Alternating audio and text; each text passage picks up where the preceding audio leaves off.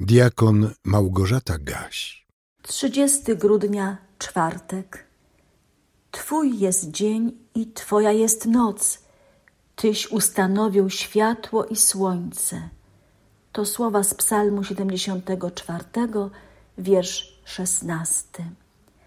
A w liście do Rzymian w 13 rozdziale, wierszach 12 i 13 czytamy: Odrzućmy tedy uczynki ciemności a obleczmy się w zbroję światłości. Postępujmy przystojnie, jak za dnia, nie w biesiadach i pijaństwach, nie w rozpustach i rozwiązłości, nie w swarach i zazdrości. Apostoł Paweł w XIII rozdziale listu do Rzymian, z którego pochodzi nasz dzisiejszy werset, wcześniej skierował do chrześcijan następujący apel. Już czas, już nadeszła pora, abyście się ze snu obudzili, albowiem teraz bliższe jest nasze zbawienie, niż kiedy uwierzyliśmy. Noc przeminęła, a dzień się przybliżył. Dlaczego apostoł każe chrześcijanom obudzić się ze snu?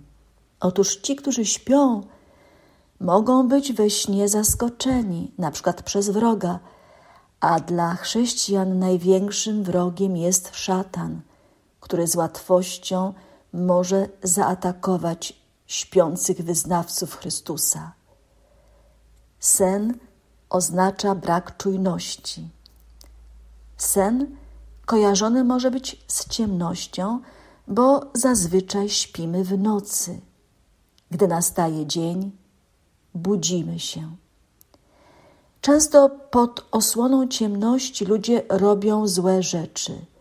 Pisze o tym Paweł w pierwszym liście do Tesaloniczan w rozdziale piątym i przypomina chrześcijanom, że oni nie są, nie powinni być w ciemności. Wy wszyscy bowiem synami światłości jesteście i synami dnia. Nie należymy do nocy ani do ciemności. Przeto nie śpijmy jak inni, lecz czuwajmy i bądźmy trzeźwi, albowiem ci, którzy śpią, w nocy śpią, a ci, którzy się upijają, w nocy się upijają. My zaś, którzy należymy do dnia, bądźmy trzeźwi, przywdziawszy pancerz wiary i miłości – oraz przyłbicę nadziei zbawienia. Chrześcijanie muszą się obudzić ze snu i czuwać. Muszą wyjść z ciemności do światłości, z nocy do dnia, ponieważ teraz jest bliższe ich zbawienie. Mają przyoblec się w zbroję światłości, która jest niezbędna w sytuacji, gdy trzeba zmagać się z różnego rodzaju przeciwnościami. Ten świat nas kusi do tego, by zapomnieć choć na moment o Bożych przykazaniach, by przynajmniej od czasu do czasu myśleć o zaspokojeniu porządliwości swego ciała. W bezbożnym świecie, w jakim przyszło nam żyć, niezbędna jest zbroja światłości, by nie ulec pokusom, jakie przychodzą na nas ze strony szatana.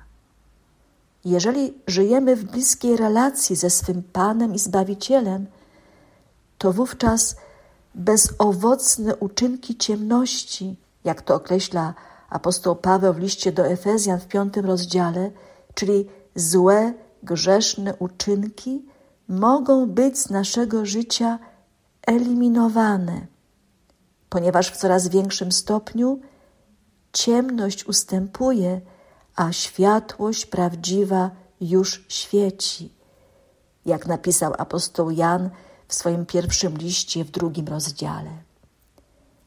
Drodzy słuchacze, życzę Wam i sobie, byśmy wkraczali w nowy rok kalendarzowy z mocnym postanowieniem, by postępować jak przystało na dzieci światłości, czyli naśladować Jezusa Chrystusa co oznacza odrzucanie uczynków ciemności.